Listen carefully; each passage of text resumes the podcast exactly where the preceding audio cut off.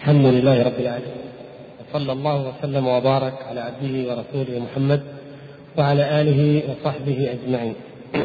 وبعد فقبل البداية في هذا الدرس نرجو من الإخوان أن يتأكدوا من وضوح الصوت. فإن الإخوة الأكارم إمام هذا المسجد أثابه الله ومن معه قد اجتهدوا معنا المرة تلو المرة من أجل تعديل الصوت. وآخر مرة ما فعلوه هذا اليوم. فما أدري هل هل هو اليوم أفضل من كل يوم؟ أحسن؟ طيب الحمد لله وجزاهم الله خيرا وأحسن إليهم وإليكم جميعا. ونقول بحمد الله. طيب أثابك الله. نقول بحمد الله تعالى آه، قد تعرضنا في الأسبوع الماضي لشرح الفقرة الخامسة والستين. ولا نخوض في الله ولا نماري في دين الله. والآن إن شاء الله نأخذ الفقرة التي بعدها أو على صح جزءا منها ولها علاقة في أواخر الفقرة السابقة. تفضل يا عبد الله اقرأ على مهلك شوي شوي. ولا نجادل في القرآن ونشهد أنه كلام رب العالمين. نزل به الروح الأمين فعلمه سيد, سيد المرسلين محمدا صلى الله عليه وسلم وهو كلام الله تعالى. لا يساويه شيء من كلام المخلوقين ولا نقول بخلقه ولا نخالف جماعة المسلمين. فقوله ولا نجادل في القرآن يحتمل أنه أراد أنا لا نقول فيه كما قال أهل الزيغ واختلفوا وجادلوا بالباطل ليدحضوا به الحق بل نقول إنه كلام رب العالمين نزل به الروح الأمين إلى آخر كلامه ويحتمل أنه أراد أنا لا نجادل في القراءة الثابتة بل نقرأه بكل ما ثبت وصح وكل من المعنيين حق.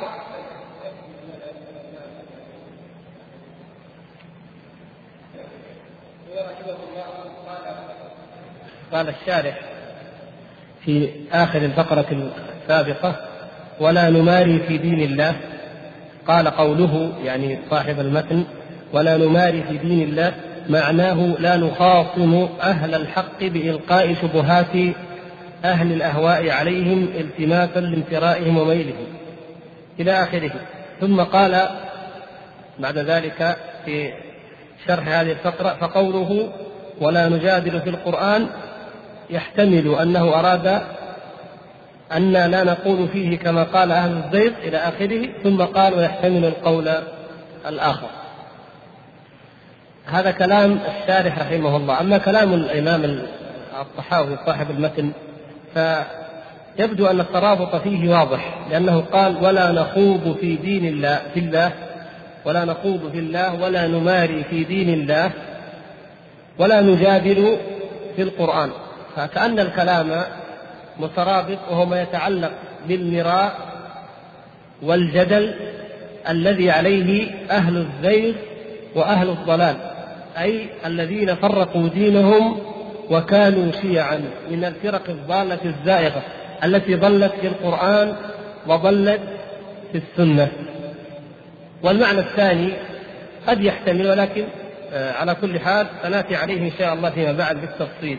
والمراد أن الخوض والمراء والجدال في كتاب الله أو في دين الله بل حتى فيما دون ذلك هذا مما نهينا عنه وليس هو من عقيدة أهل السنة والجماعة ولا من شأنهم ولا من صفاتهم وإنما الذي يفعله أهل السنة هو المجادلة بالتي هي أحسن. على ما سيأتي إن شاء الله تعالى عند شرح قوله والله تعالى قد أمرنا أن لا نجادل أهل الكتاب إلا بالتي هي أحسن إلا الذين ظلموا منهم فكيف بمناظرة أهل القبلة. لعلنا إن شاء الله هنالك نتعرض لبعض سنه السلف الصالح في الجدال. أما ما كان من دين الله واضحا معلوما لدينا لا شك فيه ولا لبس والحمد لله فلا نجادل أهل البدع ولا نماريهم بل ننصح العامة وهم أولى بالزجر عن ذلك بأن لا يجادلوهم. نقول هذا كلام الله وهذا كلام رسول الله صلى الله عليه وسلم. إن قبلتموه فأنتم مؤمنون وإن رفضتموه فأنتم وما تلاقون ربكم به. هذا هو المنهج. وكما قلنا أن يزيد بن هارون رضي الله تعالى عنه من الأئمة الثقات قال كلمة عظيمة في هذا جامعة. قال يعني بمعنى أننا ماذا نقول لهم؟ قال نحن أخذنا علمنا عن التابعين عن رسول الله صلى الله عليه وسلم عن الصحابة عن رسول الله صلى الله عليه وسلم. فهم عمن أخذوا. هذا يكفي.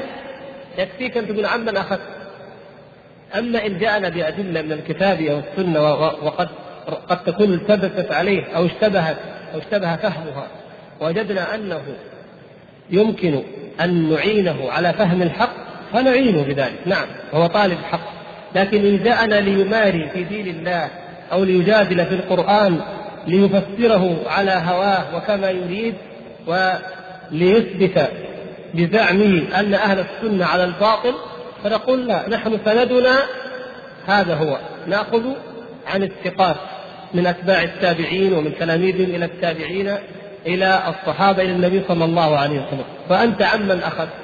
أسند إلينا لنا قولك أسند قولك.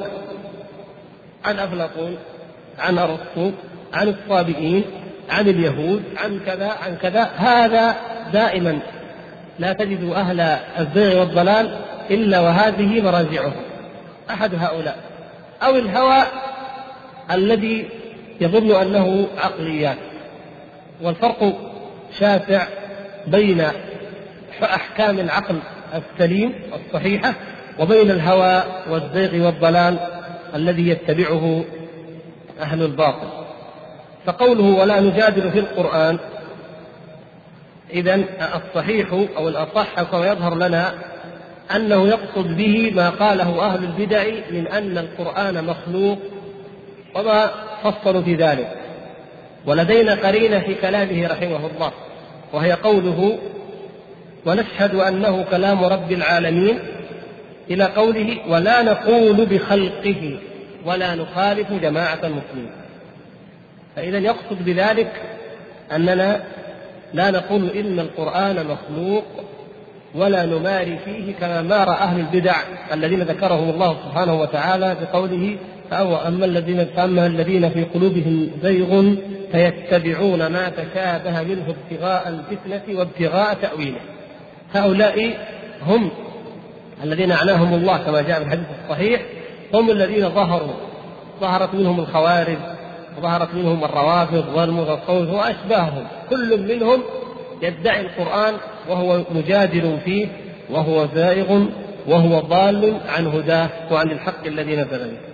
ومن ذلك ما تفرع من الأقوال التي سبق أن ذكرها الشارح رحمه الله تعالى في شرح الفقرة السادسة والثلاثين. صفحة 121 أول فقرة 36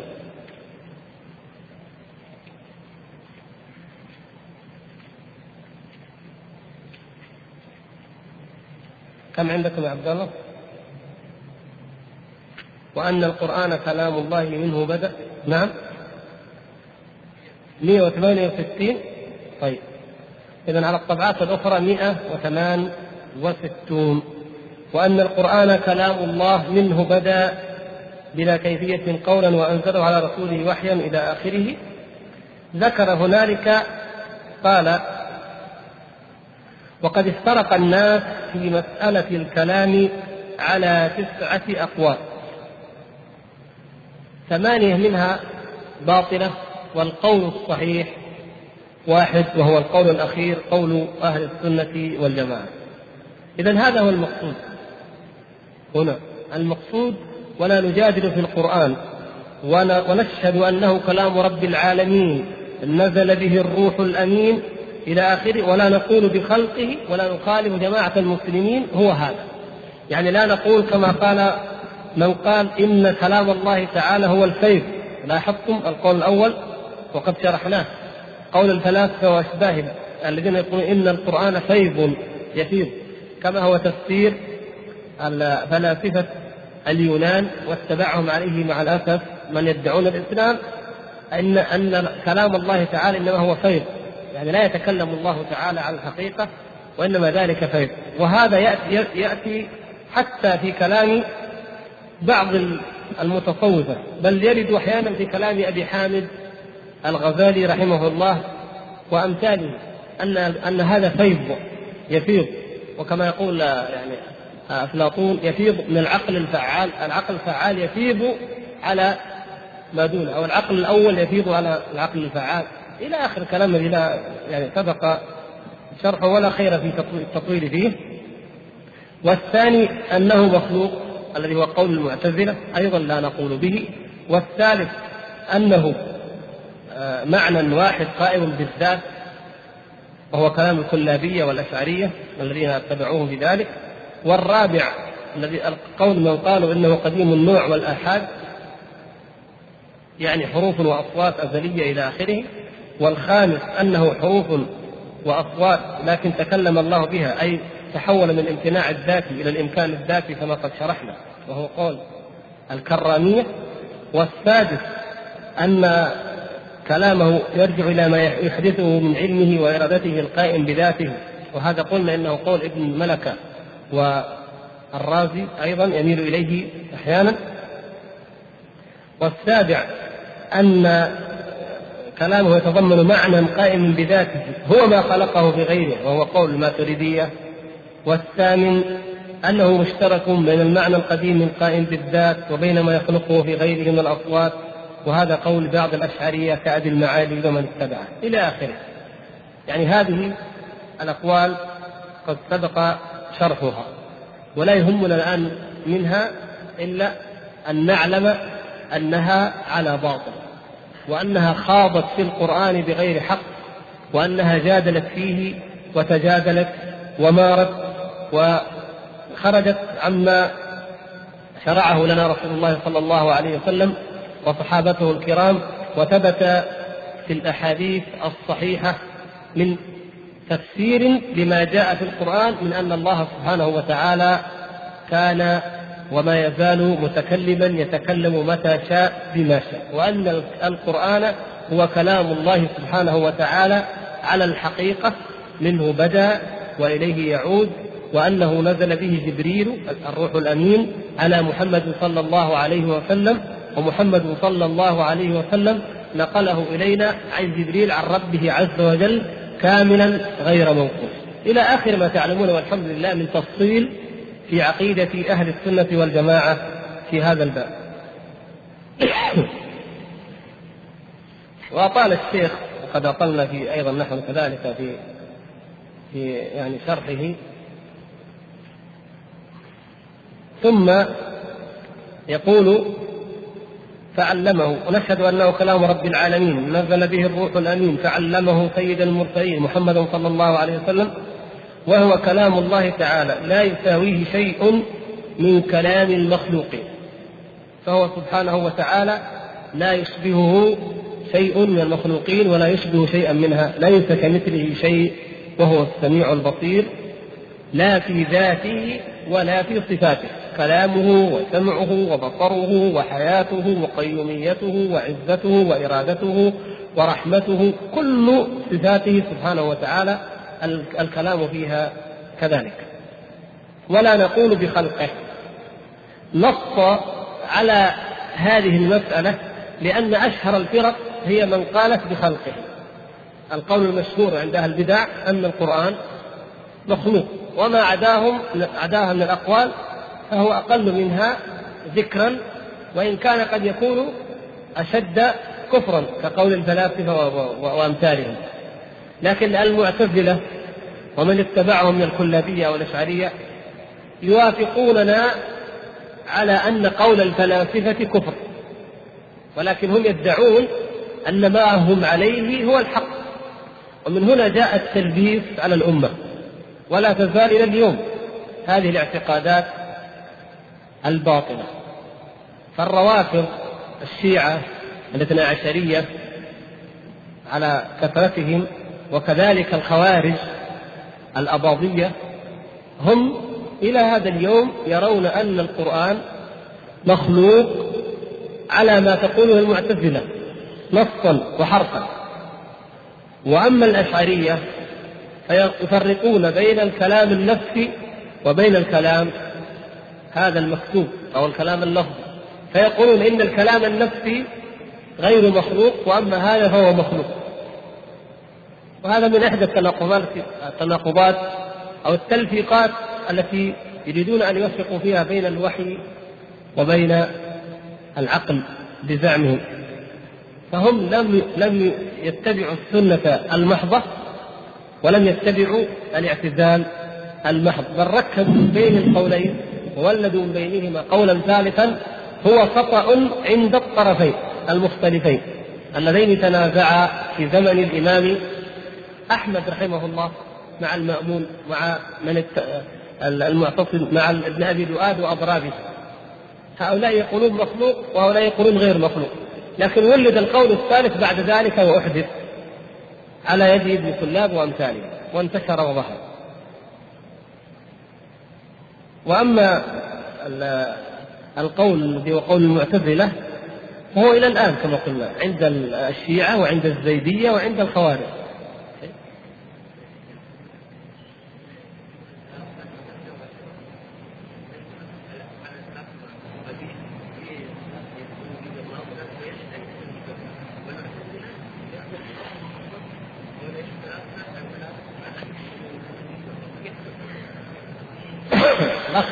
فيه يعني ملخص كلامه كيف نكفر الفلاسفة كيف نكفر المعتزلة وهم اتبعوا الفلاسفة الذين يثبتون وجود الله. كذا المسألة هذه وغيرها من المسائل ليست تابعة لمسألة وجود الله لعلاقة الوجود. كل الأمم هذا سؤالك ولا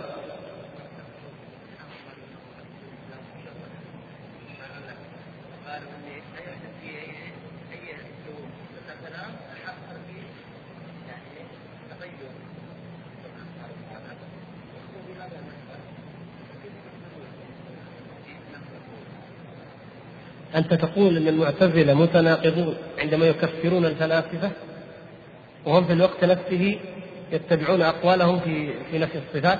مثلا هذا معنى كلامك. هذا شيء آخر لكن كلامك الأول مسألة الوجود ما لها دخل. وجود الله عز وجل هذا الفلاسفة يثبتونه القدامى القدماء وإن كانوا يفسرونه على غير حقيقته. ولكن أظهر من ذلك المشركون الذين بعث فيهم الرسل وذكرهم الله سبحانه وتعالى في القرآن. هؤلاء كانوا يثبتون وجود الله لكن كانوا يشركون به غيره. فالخلاف لم يكن في مسألة الوجود وإنكار الوجود في ذاته إنما هو من الشواذ. وحتى هؤلاء يجعلون خالقا لا بد أن يفترضوا خالقا وقد لا يسمونه الله لكن المهم لابد من خالق أو صانع أو منشئ أو فاعل إلى آخره. لأن هذا أمر مستحيل أن يتخيل حقيقة المخلوقات إلا بخالق أو منشئ أو موجد إلى آخره لها. أما تناقض المعتزلة فهو حق نعم. لكن هذا من تناقضات علم الكلام التي من أجل ذلك نهينا عنه ونهينا أن نتبعه وأن نجادله. علماء الكلام من معتزلة أو أشعرية أو غيرهم أصل شبهتهم ولبها وصميمها هو أننا ندافع عن الدين ندافع عن الإسلام فإذا جادلنا استخدمنا الفلسفة أو المنطق وقعدنا قواعد علم الكلام وأساليب البحث والمناظرة التي لم تعرف عند السلف أو فعلنا ما فعلنا فالمقصود هو ماذا؟ هو إثبات الحقائق الدينية إثبات أن الوحي حق إثبات أن النبوات حق إثبات أن القرآن حق وأن الله حق. هكذا هذا هذا هذه شبهتهم وهذا رأيهم دائما. ولكن هل وفقوا فعلا في ذلك؟ ندع الآن جانبا من نجزم أنه منافق. دخل في علماء الكلام بغرض النفاق لإفساد دين المسلمين. لكن لننظر إلى من كان صادقا. وقد ظهر من أحوالهم ما يدل على ذلك. كأبي المعالي الجويني مثلا أو أبيه أو الرازي أو الأشعرية مثلا. يعني يظهر من أحوالهم الصدق لأنهم تابوا في آخر الأمر وندموا وأتوا إلى آخره. فنقول هؤلاء شبهتهم ودعواهم أن ندافع عن الإسلام ونثبته بالأدلة العقلية الصحيحة. لكن مؤاخذتنا عليهم التي هي شاهد كلامنا هنا التي من أجلها نهينا عن الخوض وعن المراء وعن الجدال أنهم جادلوا بغير منهج النبوة بغير منهج الوحي في الجدال يعني نحن لا نجادل بلى. النبي صلى الله عليه وسلم ألم يجادله أهل الكتاب وأجاب الله سبحانه وتعالى وعلمه كيف يجادله في مواضع؟ بلى كما كما في سورة آل عمران وقصة نفس الإجرام وغيرها. ولعل هذا يأتي تفصيله إن شاء الله مما أخرناه وأردنا أن نؤخره. لكن ليس هذا هو المقصود. لو أن هؤلاء جادلوهم بكتاب الله وبسنة رسول الله صلى الله عليه وسلم لكانوا مجاهدين. مجاهدين. لأن الكلام واللسان في هذه الأمور يفعل ما يفعله السنان أو أعظم سواء عند أهل البدعة أو عند أهل السنة. لكن أحسن ما فيهم كما ذكر شيخ الإسلام رحمه الله في التسعينية ذكر مثالا عظيما لعمل أهل الكلام من الأشعرية والماتريدية وأشباههم الذين يجاهدوا أن يدافعوا عن القرآن وأن يدافعوا عن السنة لكن بباطل وبأخطاء يقول مثل هذا الجهاد في نظرهم والقتال كالقتال الحسي المعروف كما لو أن قوما قاتلوا الكفار كفار وقاتلهم أناس فيهم بدعة وفيهم غلول وفيهم ظلم وفيهم ترك أو تقصير في العبادات أو في الطاعات. فهؤلاء قاتلوا هؤلاء. قاتلوا أصحاب بدعة مثلا أكبر أو قاتلوا كفار أو المهم أن هؤلاء نعم موقفهم يحمد أنهم قاتلوا الكفار نعم. لكن هم فيهم التخليط من جهة ما فيهم من البدع والمعاصي والتقصير. هذا غاية ما يقول أهل الكلام. إن صدقوا وجاهدوا الفلاسفة وأمثالهم وكفروهم وذبوا عن دين الله فإن فيهم هذا التخليط وهذه المعاصي وهذا التقصير. أما أهل السنة الذين يجادلون بالوحي وبمنهج منهج النبوة في الجدل أو في المناظرة فهم كالنبي صلى الله عليه وسلم وجيشه كجيش النبي صلى الله عليه وسلم كجيوش الصحابة. وجيوش الخلفاء الراشدين فيها العبادة فيها أهل التقوى وأهل الخشية وأهل الفضل وأهل الرضوان ويجاهدون الأعداء. فجهاد هؤلاء ليس كقتال أولئك وأثرهم ليس كأثرهم وانتصارهم مضمون ومؤكد بإذن الله. سبحانه وتعالى لخلوهم مما في أولئك من عيب وخلل وتقصير وجهل إلى آخره. وإلا فقد يتفق الطرفان في أنهما يحاربان عدو الإسلام المشترك.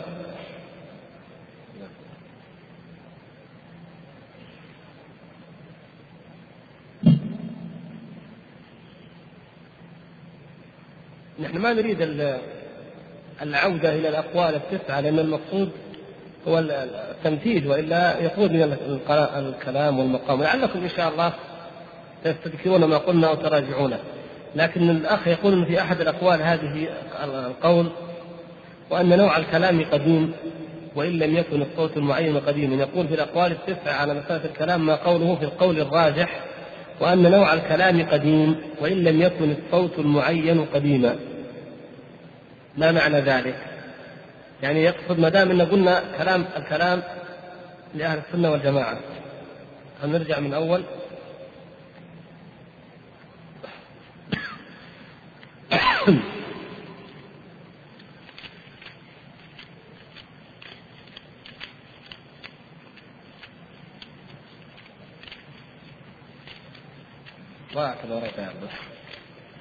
التاسع أنه تعالى لم يزل متكلما.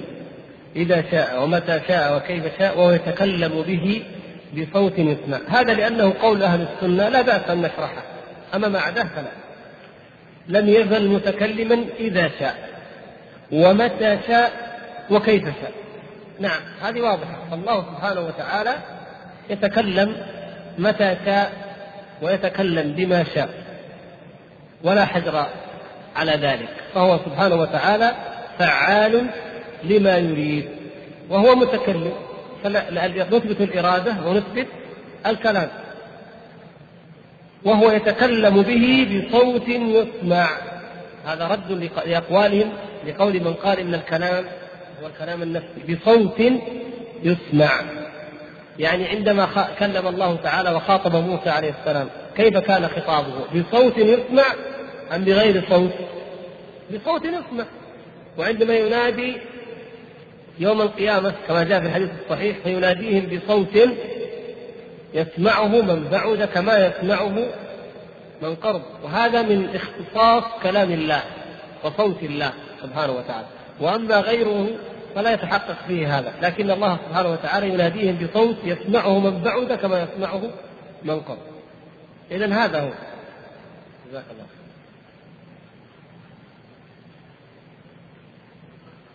تفضل. طيب هنا العبارة التي قد تشكل وأن نوع الكلام قديم وإن لم يكن الصوت المعين قديما. الكلام وكل شيء طبعا إما نوع وإما أجزاء وأفراد. فأما النوع فقديم يعني قديم معناه يعني لا أول له يعني معنى أنه أزلي يعني لم يكن ثم كان كما تقول الكرامية. يعني بمعنى أن الله سبحانه وتعالى لم يكن متكلما ثم تكلم تحول كما يقولون من الامتناع الذاتي إلى الإمكان الذاتي. لا الله سبحانه وتعالى متصف بصفات الكمال ازلا فهو الأول والآخر بصفات الكمال. فهو يتكلم نوع الكلام قديم نوعه قديم ليس له أول. أما آحاده فلا. قال وإن لم يكن الصوت المعين قديما.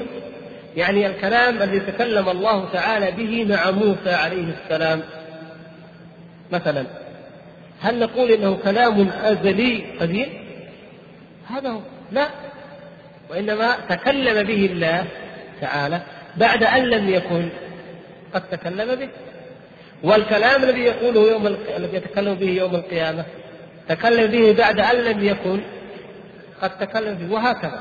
ففي هذا رد على من فهم أنها كما مثلا في القول الرابع أنها حروف وأصوات أزلية مجتمعة في الازل هذا هو يعني بمعنى أنهم قالوا إنه قديم النوع وقديم الأحد.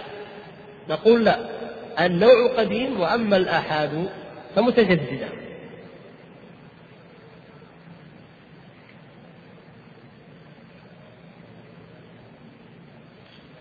إطلاق صفة القديم على الله سبحانه وتعالى. نعم ذكر ذكرنا ذلك.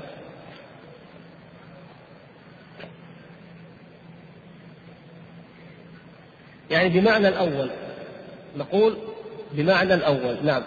فالأولى أن نقول يعني الأول أو الأزلية صفات أزلية أو لا أول لها نعم صح. لكن حتى يعني بعض علماء من أهل السنة يستخدمون كلمة قديم كما ذكر الشارح هنا.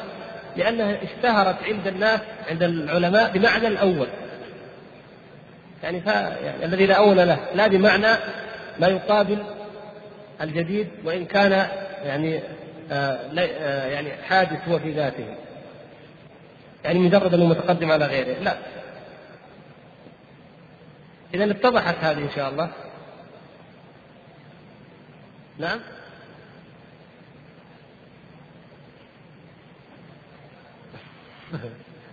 اي نعم قول الشاعر إن الكلام لفي الفؤاد.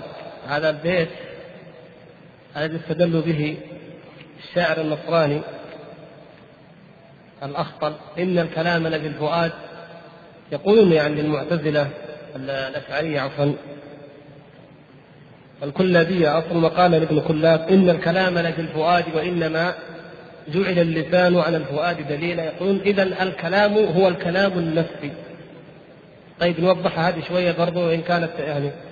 لكن هي الأقوال الثلاثة. الحقيقة هي الأقوال الثلاثة. هي التي ينبغي أن تعلم. قول أهل السنة وقد عرفناه ليس كذلك. وقول المعتزلة وأيضا ما في إشكال. قول المعتزلة والشيعة الزيدية والاثني عشرية والخوارج وأمثاله وهو أنه مخلوق. يعني كما أن الله خلق الشجرة وخلق آدم وخلق عيسى وخلقنا خلق الكلام. هذا أيضا واضح ها؟ كذا. والثالث وهو المنتشر الآن أيضا في الأرض وهو الذي أيضا نحتاج أن نوضحه إن شاء الله هو إيش؟ وقول الكلابية أو الأشعرية. وهو التفريق بين الكلام النفسي والكلام اللفظي يقولون إن الكلام في الحقيقة هو الكلام النفسي الذي في النفس. ويستشهدون على ذلك بأدلة كما في قوله تعالى ويقولون في أنفسهم لولا يعذبنا الله بما نقول. مثلا وبقول عمر رضي الله تعالى عنه زورت في نفسي كلاما. أدلة كثيرة ليس المقصود أنهم يقولون هذا هو الكلام. وأما ما يعبر به اللسان النطق النطق فهو إما تعبير عن الكلام تعبير عن الكلام الحقيقي أو حكاية عن الكلام الحقيقي أو تمثيل للكلام الحقيقي إلى آخر العبارات التي يخوضون فيها. واستدلون بهذا البيت. وهذا البيت نازعهم العلماء في في الاستدلال به من وجوه كثيرة علماء السنة. الأول من حيث لفظه أنه أو المشهور أنه قال إن البيان إن البيان لفي الفؤاد وإنما جعل اللسان على الفؤاد دليلا بمعنى أن البيان في القلب والكلام في اللسان. فالكلام يعبر عما في القلب وهذا معلوم عند العقلاء جميعا. هذا إن ثبت البيت وإن ثبت وثبت أنه قال إن الكلام في الفؤاد فنقول يا عجبا لكم يا أيها الأشعرية يا عجبا. بيت مفرد مشكوك في نسبته وفي ألفاظه لشاعر نصراني وهو الأخطر. تجعلونه عمدة وتردون به كتاب الله والأحاديث المتواترة الصحيحة وإجماع السلف الصالح جيلا بعد جيل.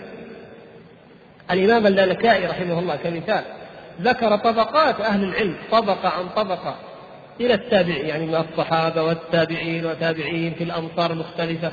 كلام طويل جدا طبقات من العلماء الأثبات كلهم يقولون كلام الله غير مخلوق وينكرون على من قال مخلوق منهم من يقول كافر منهم من يقول ضال إنكارا شديدا. كل هؤلاء تضربون بكلامهم عرض الحائط. وما أخذتم إلا كلام الشاعر النصراني وأيضا كما يقول ابن القيم رحمه الله يقول لو أخذنا من النصارى أو من شعراء النصارى أي شيء لا نأخذ منه ما يتعلق بموضوع الكلام بالذات. ليش؟ لأنهم هم يقولون عيسى كلمة أيوة عيسى الكلمة. فاللبس والشبهة عند النصارى في مسألة الكلمة وما معنى الكلام فلا يؤخذ منهم هذا المعنى. إلى آخره ما قد ذكر على أي حال لا نعيد القول به وإنما فقط الإيضاح لأن أمامنا موضوعات آه، أو القول الآخر هو قول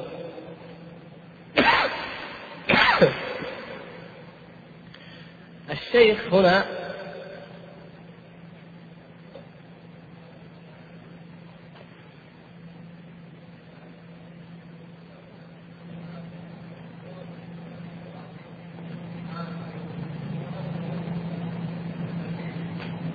اي نعم. بس خلينا بعدين اتكلم في الموضوع اخر هو هو عندهم يعني من ترك الحق لابد أن يتتبع الشذوذ.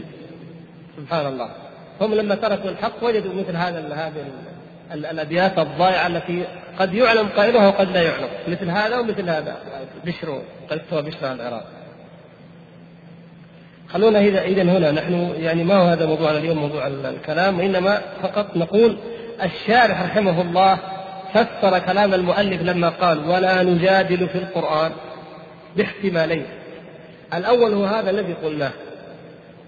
والثاني قال ويحتمل أو يحتمل يعني الكلام أنه أراد أن لا نجادل في القراءة الثابتة ثم ذكر يعني أن نقرأ القراءات بل نقرأه بكل ما ثبت وصح وأخذ دخل بنا في موضوع القراءات والأحرف السبعة وإلى مبحث آخر لا علاقة له بمسائل بمسائل العقيدة فنسألكم ألا يحتمل الأمر غير ذلك؟ يعني عندنا احتمالين إما أن المقصود لا نجادل في القرآن يعني نقول هو كلام الله غير مخلوق أو لا نجادل في القرآن يعني لا نجادل في القراءة لأن يعني القرآن معنى المقروء معنى ومعنى القراءة نفسها. فإذا نقول المقصود لا نجادل في القراءة ونؤمن بالقراءة الثابتة. وإلا يحتمل معنى آخر وإن كان قد يشتق من الأول أو يدخل فيه. وهنا ونحن في الكلام عن القرآن وقريبو عهد بالكلام عن آه، الإمام بالكتب. لعل المقصود هو المعنى معنى آخر. هو ماذا؟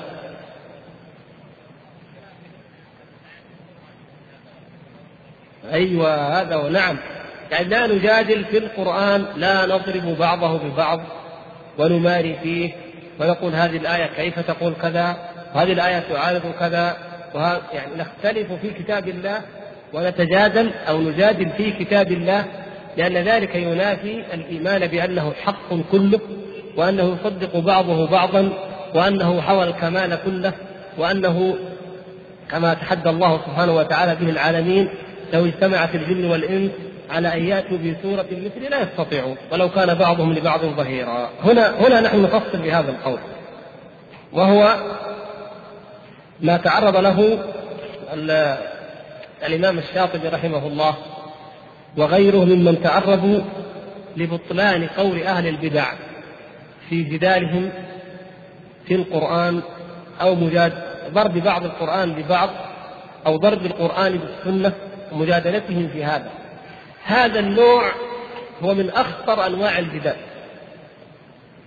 وهو يتنافى مع الإيمان بالقرآن حقيقة ومع الإيمان بالله سبحانه وتعالى ومع الاستسلام لله كما أمر الله وكما سمانا مسلمين.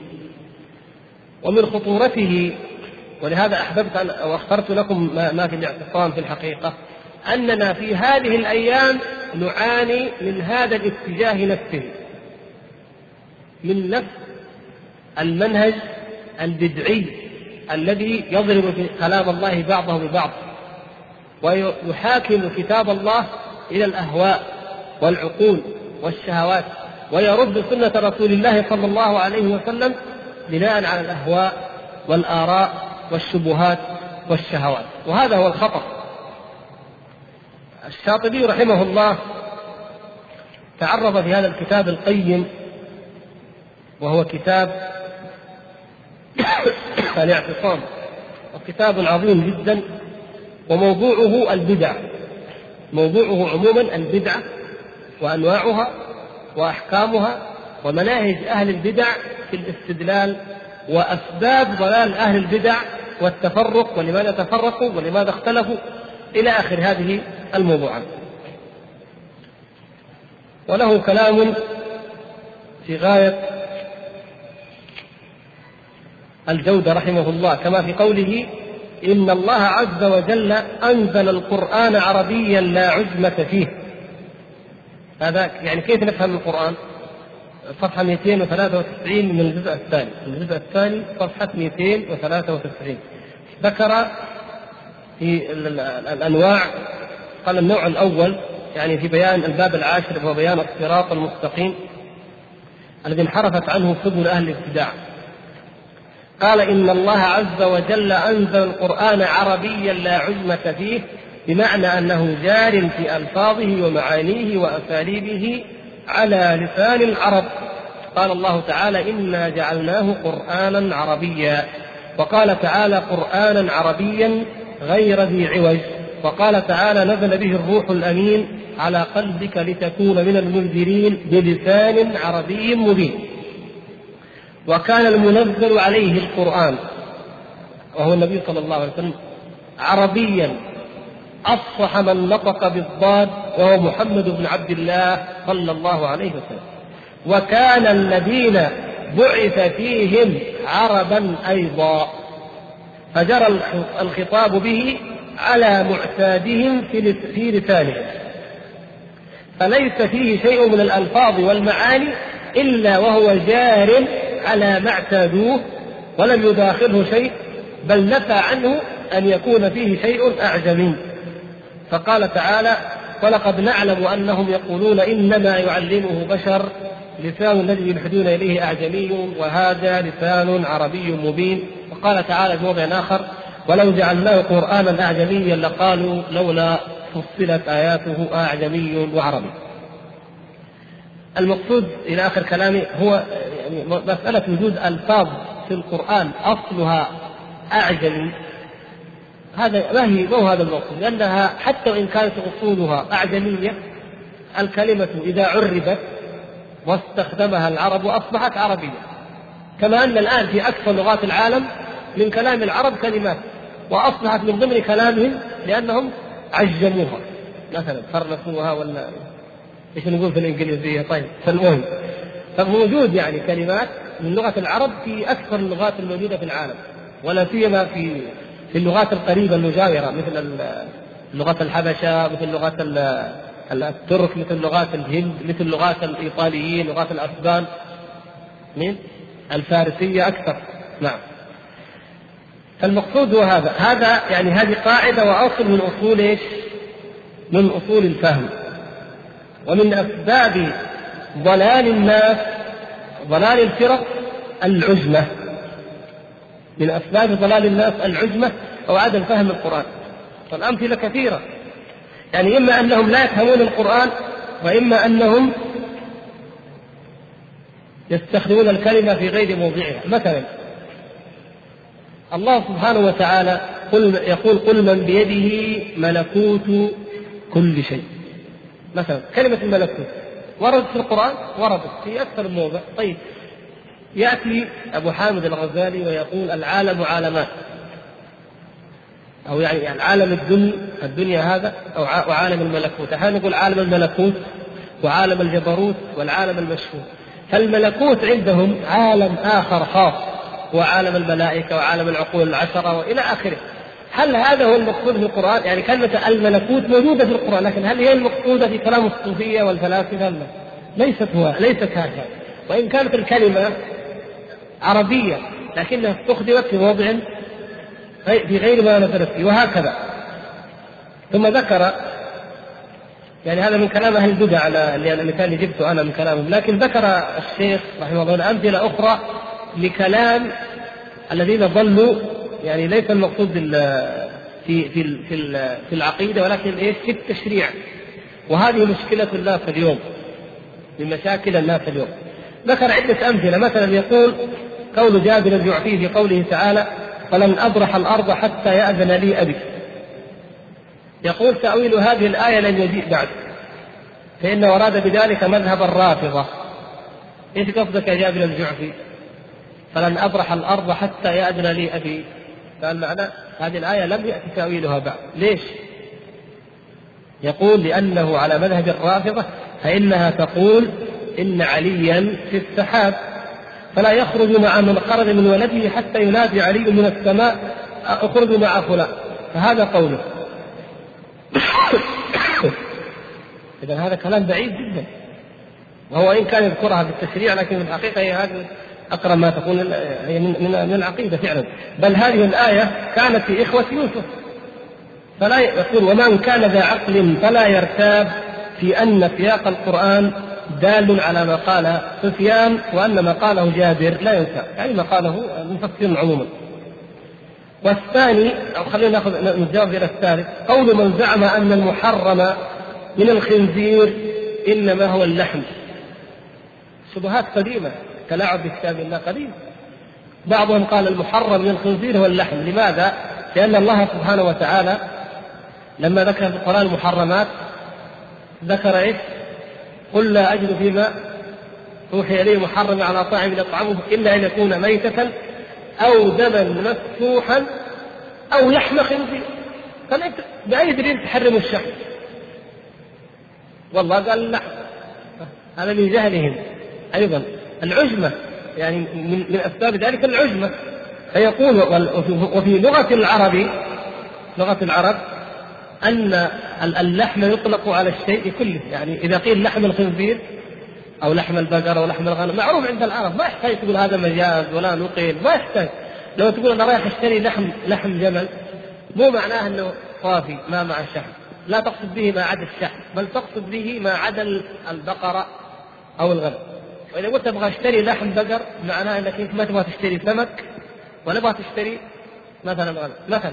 وليس المقصود أنك تشتري لحم ولا آخذ الشحم ولا العظام ولا مثلا الكبد ولا القلب. ما هو هذا المقصود. هذه المشكلة. يعني العجبة العجبة من أسباب الضلال. ذكر يعني أشياء كثيرة نحن ما نريد نسترسل فيها إنما قصدنا الدخول إلى الموضوع. أنه كيف؟ ما دام القرآن بهذا المعنى بهذه المثابة عربي نزل على أفصح العرب صلوات الله وسلامه عليه وتلقاه أفضل وأفصح الناس وهم الصحابة الكرام فلا يجوز لنا العدول عن فهمهم للقرآن. لا بجدال ولا بمراء. كما يأتي في مثال أهل البدع لما قالوا نافع بن أزرق كيف يقول الله تعالى وكان الله غفورا رحيما قال هذا فيما كان كيف في المستقبل؟ هذا دليل أيضا على أنه لم يفهم ولم يفقه ما كان جاريا على لغة العرب وعلى سنة العرب في كلامه. وأمثال ذلك كثير. مما كان سبب الجدل فيه هو اتباع الهوى أو عدم فهم القرآن. المقصود إيش؟ أننا نحن نفهم القرآن كما فهمه السلف الصالح. لأنه إن كان تفسيره بالقرآن فهو أفهم منا للقرآن. وإن كان تفسيره بالسنة فالسنة إنما نقلناها عن طريقها وإن كان تفسير القرآن مفسر بكلام الصحابة والتابعين فهم الصحابة والتابعون أو من طريقهم وإن كان بكلام العرب فهم أفصح العرب وأعلمهم. إذا خلاص إذا انحصرت طرق تفسير القرآن جميعا فيهم في فهمهم فنفهمه كما فهم. يقول وإذا ثبت هذا صح منه أن القرآن في نفسه لا اختلاف فيه ما في تناقض. ولو كان من عند غير الله وجدوا فيه اختلافا كثيرا. يقول لا اختلاف فيه ثم نبني على هذا معنى آخر. وهو أنه لما تبين تنزهه عن الاختلاف صح أن يكون حكما بين جميع المختلفين. لأنه إنما يقرر معنى الحق والحق لا يختلف في نفسه فكل اختلاف صدر من مكلف فالقرآن هو المهيمن عليه آه لماذا لا نجادل في القرآن نضرب بعضه ببعض لأن القرآن هو الذي يحسم الجدل هو الذي يقطع النزاع فلا نجعله هو مادة للنزاع والجدل هذا الفرق كبير جدا بين أهل البدع وبين أهل السنة. أهل البدع جعلوا القرآن نفسه موضع جدل. طيب من يحكم؟ إذا كان هو موضع الجدل بذاته. أما أهل السنة فجعلوا القرآن حكما يفصل في الجدل فيما يتجادل فيه الخلق. آه، قال قال الله تعالى فإن تنازعتم في شيء فردوه إلى الله والرسول إن كنتم تؤمنون بالله واليوم الآخر ذلك خير وأحسن تأويلا وما أشبهه قال آه، المعلق قال كقوله تعالى وأنزل معهم الكتاب بالحق ليحكم بين الناس بما اختلفوا فيه وقد سبق يعني تفسيرها وهو نص في الموضوع. نعم. وهو دليل على أن الحق فيه واضح وأن البيان فيه شاف لا شيء بعده يقوم مقامه. وهكذا فعل الصحابة رضي الله عنهم لأنهم كانوا إذا إذا اختلفوا في مسألة ردوها إلى الكتاب والسنة وقضاياهم شاهدة بهذا المعنى لا يجهلها من زاول الفقه فلا فائدة في جلبها إلى هذا الموضع لشهرتها. قال: فإذا تقرر هذا فعلى الناظر في الشريعة بحسب هذه المقدمة أمران أحدهما أن ينظر إليها بعين الكمال لا بعين النقصان. هذه الشريعة. ويعتبرها اعتبارا كليا في العبادات والعادات يعني ينتهجها ويعتد بها ويتمسك بها في العادات والعبادات ولا يخرج عنها البتة لأن الخروج عنها فيه وضلال ورمي في عباية. كيف وقد ثبت كمالها وتمامها؟ الزائد يعني الزائد في الشريعة على الدين والمنقض في جهتها هو المبتدع بإطلاق والمنحرف عن الجادة إلى بنيات الخير. الزيادة فيها أو النقصان باطل وابتداع. والثاني أن يوقن أنه لا تضاد بين آيات القرآن ولا بين الأخبار النبوية ولا بين أحدهما مع الآخر. هذا الذي لا يريد أهل البدع المعاصرون أن يؤمنوا به. كما سمعتم وقرأتم. لا يقتل مسلم بكافر. حديث صحيح. الإمام البخاري رحمه الله رواه في مواضع كثيرة يمكن عشر مواضع أو 12 موضع على ما أذكر. ومسلم وغيرهم رووه من الصحيفة التي أخرجها علي رضي الله تعالى عنه لما زعمت الروافض أن الله تعالى أن النبي صلى الله عليه وسلم اختصه بشيء من العلم. قال لا والله لم يخصنا لا والذي زرع الحبة وفلق فلق الحبة وتضرع النسمة لم يخصنا رسول الله صلى الله عليه وسلم بشيء من العلم إلا كتاب الله وهذه الصحيفة. وأخرجها فإذا فيها فداء أفيد وفكاك العقل وألا يقتل مسلم بكافر. قالوا هذا يعارض القرآن. كيف؟ قالوا لأن في القرآن وكتبنا عليهم فيها أن النفس بالنفس. هذا الكافر نفس والمسلم نفس.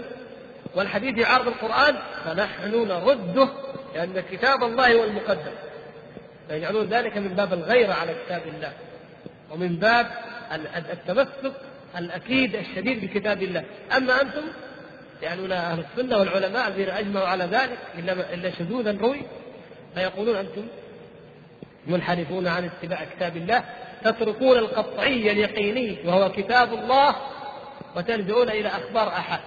وإن كان البخاري رواها أو غيره فالبخاري ما هو معصوم فيردون كلامه. هذا هو انظروا كيف القاعدة التي أصلها رحمه الله في التأدب مع كتاب الله. أن يوقن أنه لا تضاد لا تضاد بين آيات القرآن ولا بين الأخبار النبوية ولا بين أحدهما مع الآخر. لا يمكن. ما صح منها. بل الجميع جار على مهيع واحد يعني منهج واحد ومنتظم إلى معنى واحد. طيب إذا وقع؟ أو بدا لك في خلاف. قال فإذا أداه بادي الرأي إلى ظاهر اختلاف فواجب عليه أن يعتقد انتفاء الاختلاف. لو قال لك عقلك هذا خلاف هذا أول شيء اعتقد أنه لا يمكن أن يكون هناك خلاف يعني في إيش؟ في الحقيقة. لكن في ذهني أنا موجود وقد يوجد. ورحمة الله على شيخنا الشيخ محمد الأمين الشنقيط رحمه الله. فإنه ألف كتابا نفيسا في هذا المعنى سماه إيش؟ الله يفتح دفع إيهام الاضطراب أيوة عن آية الكتاب. دفع إيهام الاضطراب كتاب عظيم قيم يعني كل ما قد يقال أو يوه توهم أن بين الآيات اضطراب أو تناقض دفعه إذا الإنسان أول شيء يبدأ يقول إيش؟ نعم كأن فيه اختلاف بين هذه الآية وهذه الآية أو بين هذه الآية والحديث يمكن. أول ما أعتقد أنه لا يمكن أن يكون اختلاف على الحقيقة. وإن جادلني من جادلني وخاصمني من خاصمني لا يمكن. لكن أبحث عنه أبحث عن الحقيقة عن الحق وأسأل أهل الذكر. ثم يقول يعتقد أن أن انتفاء الاختلاف لأن الله قد شهد له أنه لا اختلاف فيه. فليقف وقوف المضطر السائل عن وجه الجمع أو المسلم من غير اعتراض. كل من عند ربنا من غير اعتراض. فإن كان الموضع مما يتعلق به حكم عملي إن كان في أمور الاعتقاد نقول نسلم من غير اعتراض. مثل ما مر معنا لما سألوا الإخوة في الدرس الماضي أو اللي قبله مثلا عن أرواح الشهداء وأرواح الأنبياء وحقيقتها نسلم خلاص. يعني كونه صلى الله عليه وسلم آه، رأى بعض الأنبياء يصلي في قبره وصلى للأنبياء في بيت المقدس ثم قابله في السماء هذا قد يقال كيف يجتمع؟ نقول إيش؟ نسلم ونصدق ولا نزال هذا من أمور الغيب. طيب في مسألة عملية. أي عمل يريد أن افعله من العبادات ماذا أفعل؟ ما هي تسليم ايمان؟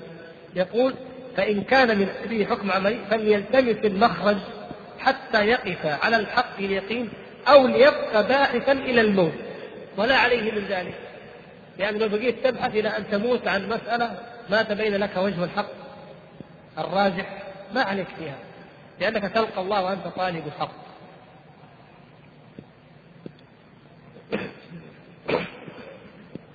فإذا اتضح له المغزى وتبينت له الواضحة فلا بد أن يجعلها حاكمة يقول فأما الأمر الأول فهو الذي أغفله المبتدعون فدخل عليهم بسبب ذلك الاستدراك على الشرع.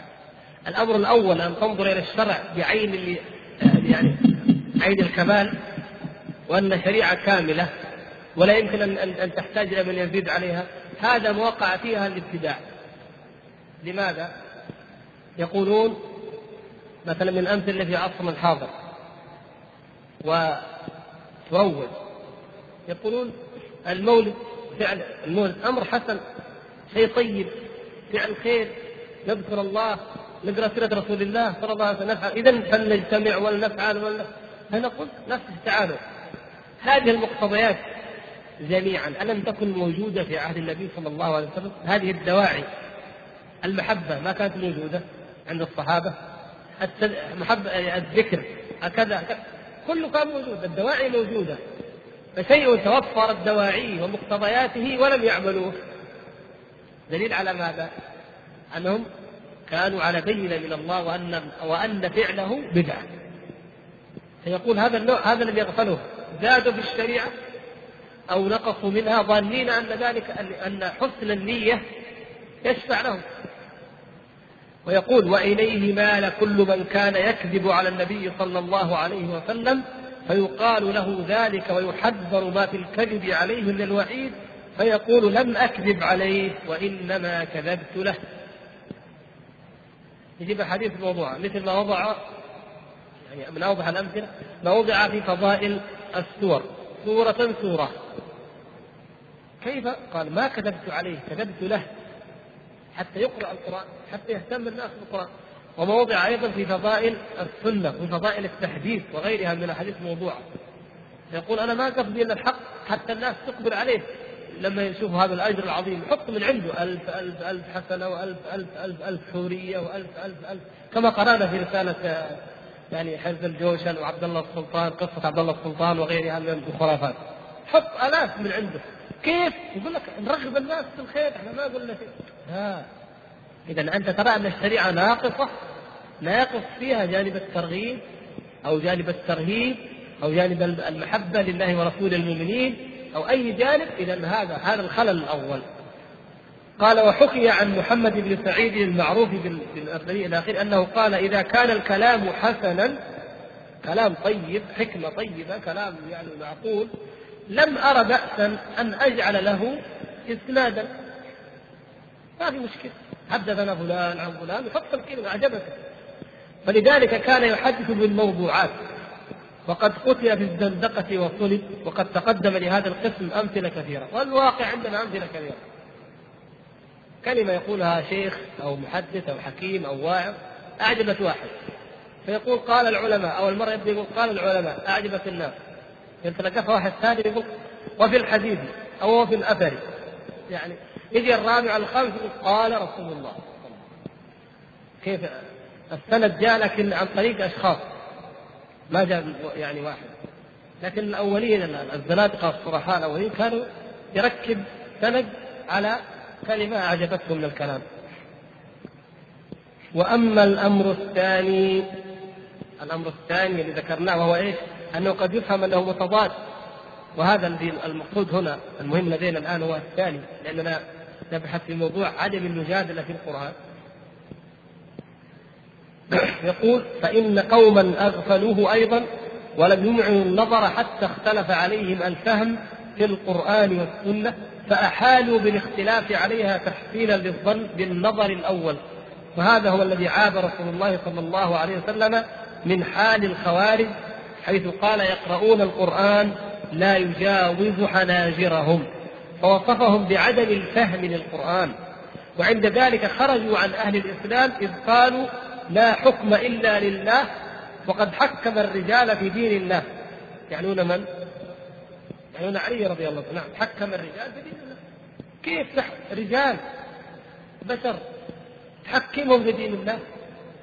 ألم يقول الله تعالى إن الحكم إلا لله؟ شوفوا كيف. يعني عدم الفهم وعدم الفقه وعدم رد الأمر إلى أهله وإلى أولي العلم الذين يفسرون لهم ذلك. قال حتى بين لهم حبر القرآن عبد الله بن عباس رضي الله عنهما معنى قوله تعالى إن الحكم إلا لله على وجه أذعن بسببه منهم الفال أو من رجع منه من الحق وتمادى الباقون على ما كانوا عليه. اعتمادا والله أعلم على قول من قال منهم لا تناظروه ولا تخاصموه فإنهم من الذين قال الله فيهم بل هم قوم خصمون. سبحان الله. شوف كيف؟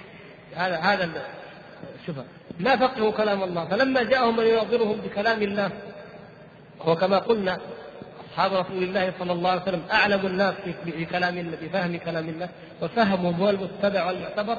قالوا إنه من قريش. والله تعالى ذكر في القرآن ما ضربوه لك إلا جدل بل هم قوم خاصمون.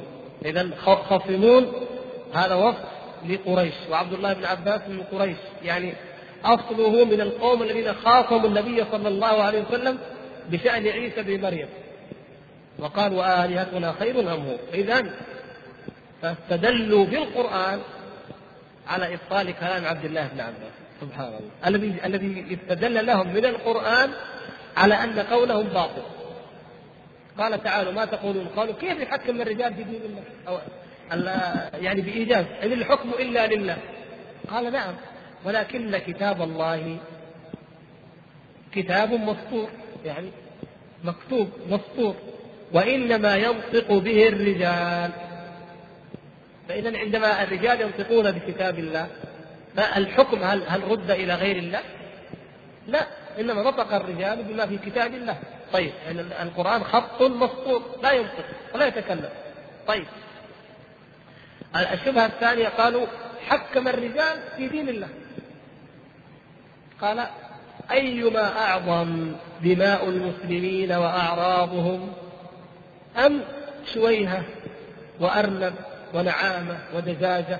قالوا لا أمر المسلمين أمر قال فإن الله سبحانه وتعالى قد حكمهم حكم الناس في هذا. فجزاء مثل ما قتل من النعم يحكم به ذوى عدل منكم. فإذا واحد رمى له صيد وهو محرم. كيف نحكم؟ كيف ما يأتي إثنان ذوى عدل ويقولوا هذا أقرب شيء أن يكون فديته بقرة. إن كانت نعامة نحط إيش؟ من شاف النعامة منكم. إيش نحط لها؟ بدنة طيب وإن كانت غزالة نحط غنم. يعني من من خلاص الحمد لله. طيب وكذلك الخصومة أيما أعظم خصومة بين طائفتين عظيمتين من المسلمين أم خصومة بين رجل وامرأة؟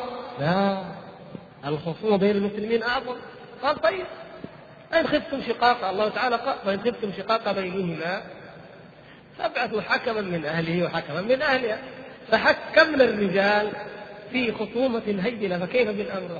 قال الفاني أو أكثر قالوا صدق والله الحبر تركنا ما قلنا عليه وعاد هذا دليل على الجهل.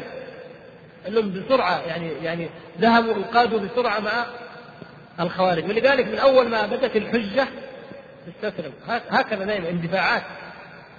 أما أولئك فرجعوا إلى ما كانوا عليه. كيف يردون كلامه؟ قالوا لا هذا كلامه هذا من الجدال ومن الخصومة. والله تعالى قال عن عن قريش بل هم قوم خصمون إذا لا تأخذوا كلامه ولا تسمعونه نسأل الله العافية. قال فتأملوا رحمكم الله كيف كان فهمهم في القرآن ثم لم يزل يزل هذا الإشكال يعتري أقواما حتى اختلفت عليهم الآيات والأحاديث وتدافعت على أفهامهم فجعجعوا به قبل إمعان النظر. ولنذكر من ذلك عشرة أمثلة. وهذه من الأمثلة التي سألها نافع بن الأزرق وغيره لابن عباس. قال الأول قول من قال آه، إن قوله تعالى وأقبل بعضهم على بعض يتساءلون يتناقض مع قوله تعالى فإذا نفخ في الصور فلا أنساب بينهم يومئذ ولا يتساءلون. كيف هنا يتساءل لا يتساءلون هنا يتساءلون؟ طيب. وذكر قال والثاني قول من قال في قوله تعالى فيومئذ لا يسأل عن ذنبه إنس ولا جان. لا يسأل عن ذنبه إنس ولا جان. وفي الآية الأخرى ولا يسألن يوم القيامة عما كانوا يفترون. ولا تسألن عما كنتم تعملون. فلا نسألن الذين أرسل إليهم فلا نسألن المرسلين. كثير. طيب. والثالث قول من قال في قوله تعالى أئنكم لتكفرون بالذي خلق الأرض في يومين وتجعلون له أندادا. ذلك رب العالمين. إلى قوله تعالى ثم استوى إلى السماء وهي دخان فقال له الأرض ائتيا طوعا أو كرها. قال أتينا طائعين تختلف مع إيش في نظره وهذا كثيرا ما يأتي السؤال عنه. مع قوله مع قوله تعالى أأنتم أشد خلقا أم السماء بناها رفع سمكها فسواها وأغطش ليلها وأخرج ضحاها والأرض بعد ذلك دحاها إلى آخره. قال فصرح بأن الأرض مخلوقة بعد السماء. قال ومن هذه الأسئلة ما أورده نافع ابن الأزرق أو غيره ويعني الروايات لأنه هو هو نافع. عن ابن عباس رضي الله تعالى عنهم قال قال رجل لابن عباس إني أجد في القرآن أشياء تختلف علي وهي قوله تعالى فلا أنساب بينهم يومئذ ولا يتساءلون. طبعا نافع بن أزرق هو زعيم الأزارقة من الخوارج. نعوذ بالله من الضلال. قال وأقبل بعضهم على بعض يتساءلون. يعني سبحان الله لو كان إنه يعني كثير من الناس يقرؤون القرآن وما يشكل عليهم شيء الحمد لكن إذا جاء إشكال علمي حقيقي يسأل. لكن بعض الناس يقعد يفكر. هنا قال وهنا ما قال وهنا قال وهنا ليش قال فيتولد عنده يتولد إشكالات من لا شيء مع أنه لا يحتاج إليها. لا في اعتقاد ولا في عمل. وما أكثر مع الأسف ما أكثر أسئلة الناس اليوم عن أشياء والله هكذا نعاني. أمور والله لا ينبني عليها اعتقاد ولا عمل. ولو ماتوا وهم يجهلون هذه ما كانوا جهالا. ولا ولا ضرهم ذلك في شيء. فقال فقد كتبوا في هذه آه، وأقبل بعضهم على بعض أيوه قال وقوله ولا يكتمون الله حديثا يتعارض في نظر نافع مع قوله قالوا والله ربنا ما كنا مشركين. اذا أنكروا وكتموا. يقول فقد كتموا في هذه الآية. أم السماء بناها رفع سمكها فسواها إلى قوله والأرض بعد ذلك دحاها. فذكر خلق السماء قبل الأرض. لأنه قال والأرض بعد ذلك دحاها. قال بعدها. ثم قال يعني في فصلت أئنكم لتكفرون بالذي خلق الأرض في يومين؟ إلى أن قال ثم استوى إلى السماء وهي دخان قال وكان الله غفورا رحيما عزيزا حكيما سميعا بصيرا. فكأنه كان ثم مضى. يعني والآن فقال ابن عباس شوف كيف الجواب. قال فلا أنساب بينهم يومئذ ولا يتساءلون في النفخة الأولى. ونفخ في الصور فصعق من في السماوات ومن الأرض إلا من شاء الله. ثم نفخ فيه أخرى. فإذا هم قال فلا أنساب بينهم عند ذلك ولا يتساءلون. ثم في النفخة الأخرى وأقبل بعضهم على بعض يتساءلون. قال وأما قوله ما كنا مشركين يعني حلفهم ما كنا مشركين مع قوله ولا يكتمون الله حديثا فإن الله عز وجل يغفر لأهل الإخلاص ذنوبهم. يعني أول الأمر يعني أو يغفر الله سبحانه وتعالى لمن؟ للمؤمنين لأهل التوحيد. فلما يرى المشركون ذلك يقولون والله ربنا ما كنا مشركين لعل الله يتجاوز عنهم ويغفر لهم. فيختم على أفواههم فتنطق أيديهم فعند ذلك عرفوا أن الله لا يكتم شيئا. يعني لا يكتمون الله حديثا أن تشهد عليهم جوارحهم وجلودهم حتى أنهم ينكرون على جلودهم وقالوا لجلودهم لم شهدتم علينا؟ يريدون أن يكتموا هذا الشيء. قالوا أنطقنا الله الذي أنطق سبحانه قال وعندئذ نود الذين كفروا وعصوا الرسول لو تسوى بهم الأرض. قال ابن عباس رضي الله تعالى عنه وقوله عز وجل خلق الأرض في يومين في يومين ثم استوى إلى السماء فسوهن سبع سماوات في يومين. قال آخرين. في يومين آخرين ثم دحى الأرض ودحوها أن أخرج منها الماء والمرعى. فليس ليس دحوها بمعنى ابتداء خلقها وإنما كانت مخلوقة غير مدحوة. ثم بعد ذلك دحاها. وأما السماء فإنها كانت دخانا ثم استوى إليها ورفع سمكها فسواها. سبحان الله فنجد المعنى يعني أعجب. ولله الحكمة في ذلك سبحانه وتعالى. قال وأما قوله وكان الله غفورا رحيما سمى نفسه بذلك. وذلك قوله أي لم يزل كذلك فإن الله عز وجل لم يرد شيئا إلا أصاب به الذي أراد. فلا يختلف عليك القرآن. شوفوا كيف الألفاظ. قال فلا يختلف عليك القرآن فإن كل من عند الله. كله كلام الله. وما والله تعالى لا يمكن سبحانه وتعالى أن يقع في كلامه اختلاف ولا تناقض. قال فلا يختلف عليك القرآن فإن كل من عند الله. ثم ذكر أمثلة أخرى وسبحان الله ما أشبه الليلة بالبارحة. يمكن الوقت قرب لكن يعني اسمحوا لي شوية لأن هذا ما ينشر الآن وما يقال في المجلات. مع الأسف في التهجم على السنة. قول من قال الحديث الصحيح المعروف حديث الرجل الذي أتى يشهد على ابنه يقر على ابنه بالزنا فقال نشدتك الله. يعني النبي صلى الله عليه وسلم إلا ما قضيت بيننا بكتاب الله. فقال خصمه وكان أفقه منه. صدق. اقض بيننا بكتاب الله وأذن لي في أن أتكلم. ثم قال أن ابني كان عفيفا عند هذا وزنى بامرأته عياذا بالله ثم ابتدى ذلك منه بوليد بجارية فقال صلى الله عليه وسلم والذي نفسي بيده لأقضين بينكما بكتاب الله. أما الوليد وهو الغنم فردها رد عليك وعلى ابنك جلد مئة وتغريب عام وعلى امرأة هذا الرجل. قالوا مخالف لكتاب الله لأنه قد قال لأقضين بينكما بكتاب الله ثم قضى بالرجم والتغريب وليس في كتاب الله رجم ولا تغريب. وهذا الجهل. انظروا كيف يفعل الجاهل. قال الجواب أن الذي أوجب الإشكال في المسألة اللفظ المشترك كلمة في كتاب الله. يعني ظنوا أن معناها لأقضين بينكما بكتاب الله. هو إيه؟ يعني بالقرآن نطقا منطوقا. وليس الأمر كذلك.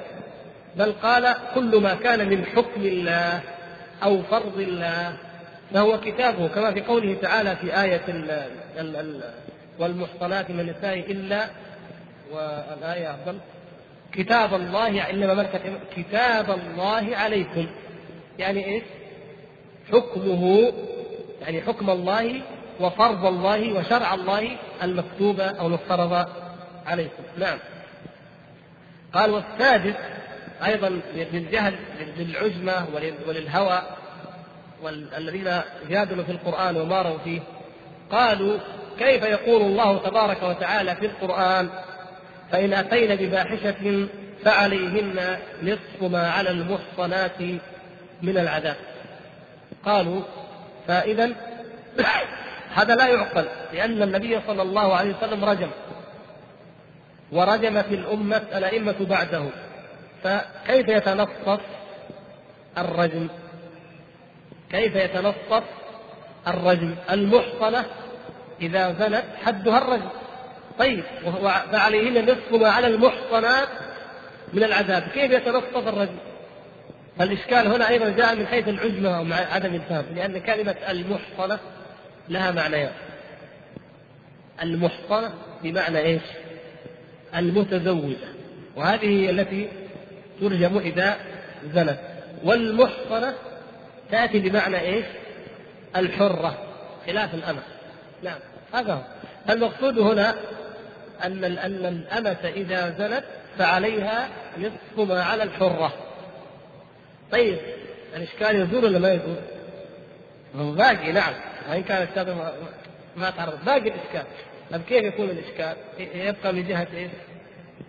من جهة أن لا الرجل من جهة الرجل لأنه طيب ما ترجع نعم فنقول أن أن المقصود هنا هو إيش؟ هو الجلد. أو أن المقصود هو ما كان قبل أن نزول الأحكام. فاحبسوهن في البيوت فاستجدوا عن أربعة منكم فإن شهدوا فاحبسوهن في البيوت حتى يتوفهن الموت أو يجعل الله لهن سبيلا.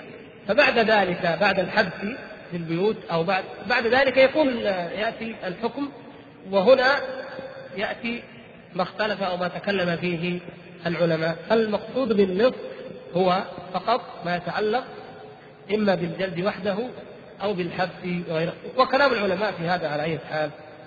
كل هذه المواضع ترى يا إخوان ترى حتى حتى مع كلام ابن عباس رضي الله تعالى عنه للعلماء والمفسرين أيضا أوجه أخرى في الجمع وقد تكون صحيحة يعني لا حذر.